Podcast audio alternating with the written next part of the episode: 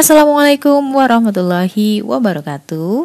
Alhamdulillah masih dikasih kesempatan untuk menyelesaikan episode terakhir di seri The Taubat Adventure. Ya, kau udahan sih mbak. ya secukupnya aja kali. Yang penting kalian udah paham atau bisa mengambil hikmahnya. Ya. Lagi-lagi ini bukan tentang AQ ini tentang step-stepnya yang bakal kalian hadapi dan tetaplah yakin bahwa Allah ada di situ dan akan selalu menguatkan kamu.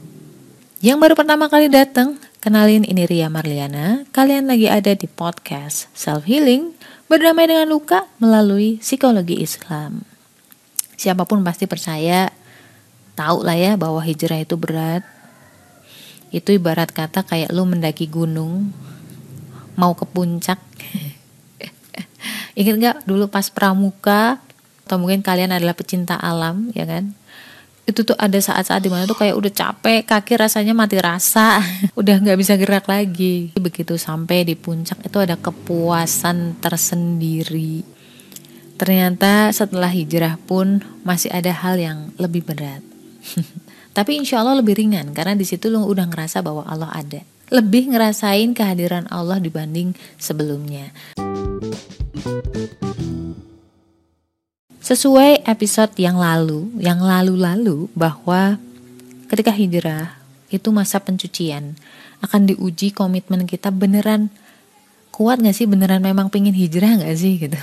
Kayak lu ngelamar orang atau lu nyatain cinta ke orang pasti orang itu juga akan menguji cintamu kan? Menguji ketulusan kamu. Ini orang omong doang atau beneran nih?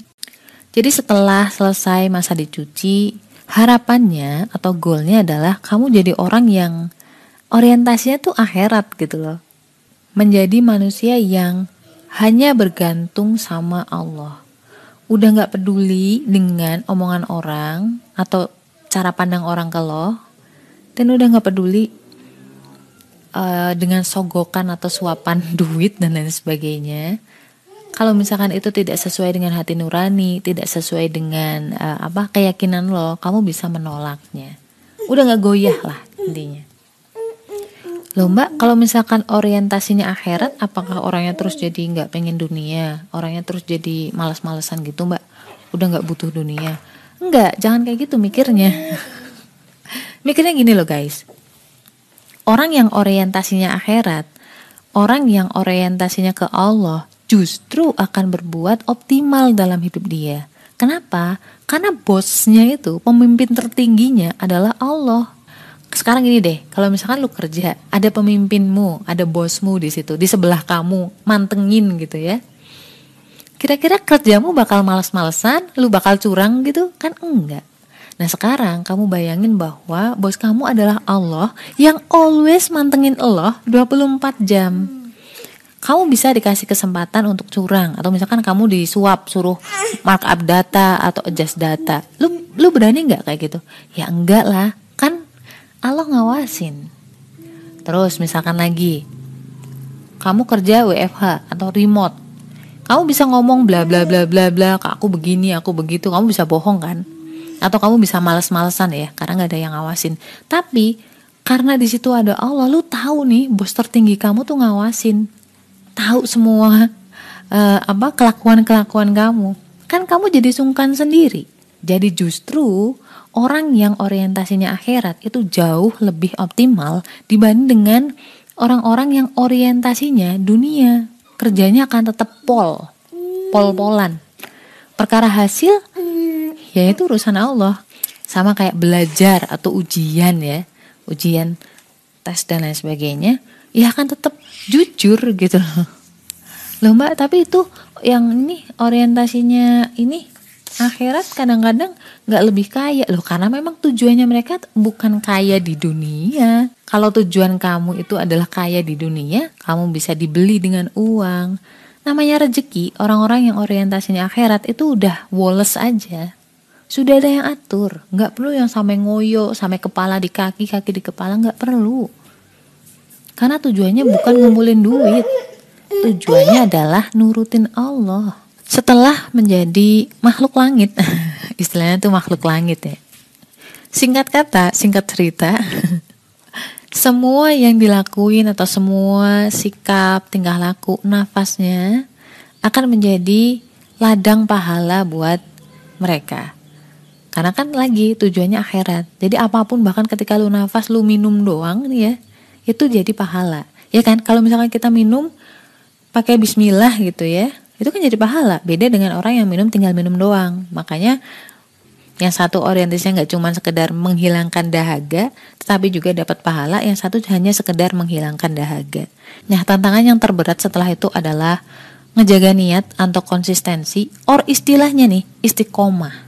Ketika lo udah ngedapetin penghasilan yang lebih besar dari yang sebelumnya, ketika kamu udah dapat pekerjaan yang lebih mentereng atau kedudukannya lebih tinggi dibanding waktu di bank dulu, apakah kamu tetap sholat tepat waktu? Apakah kamu tetap ikut kajian? Atau justru sebaliknya, sholatnya jadi tertunda, terus udah jarang ngaji ya, jadi lebih banyak ngegibah, jadi lebih uh, suka nipu orang, waduh, itu tantangan pertama. Kemudian setelah itu masih ada lagi guys, dan ini lebih berat lagi. Apa? Tantangan ria dan juga ujub. Ria ini berarti spotlightnya ke kamu, bukan ke Allah. Harusnya kan kamu berniat untuk ngasih tahu betapa Allah itu maha kuasa, maha besar ya. Tetapi jadi seolah-olah kamu membanggakan diri kamu sendiri. Kemudian tantangan selanjutnya adalah ujub. Ujub tadi tuh kayak lu ngerasa sombong, ngerasa lebih baik dari orang lain yang mungkin saat ini belum hijrah. Ingat ya guys, itu tuh paling susah karena nggak ada orang lain tahu kecuali hati kamu dan juga Allah. Dan ingat ya guys, bahwa kita itu sama-sama kontestan. Jurinya adalah Allah. Dan penghakimannya itu nanti, bukan sekarang. Artinya, sesama kontestan itu nggak berhak menilai kontestan lain. Mencintai itu berat. Tapi, menjaga agar cinta itu ada itu jauh lebih berat. Semoga Allah jadikan kita orang-orang yang selalu istiqomah dan mencintai segala sesuatu yang dicintainya serta meninggalkan sesuatu yang dibenci oleh Allah. Alhamdulillah kelar udah plong rasanya setelah bertahun-tahun ku ngerasa kayak ada sesuatu atau ada amanah yang harus aku sampaikan. Sudah selesai ya guys, sudah tersampaikan.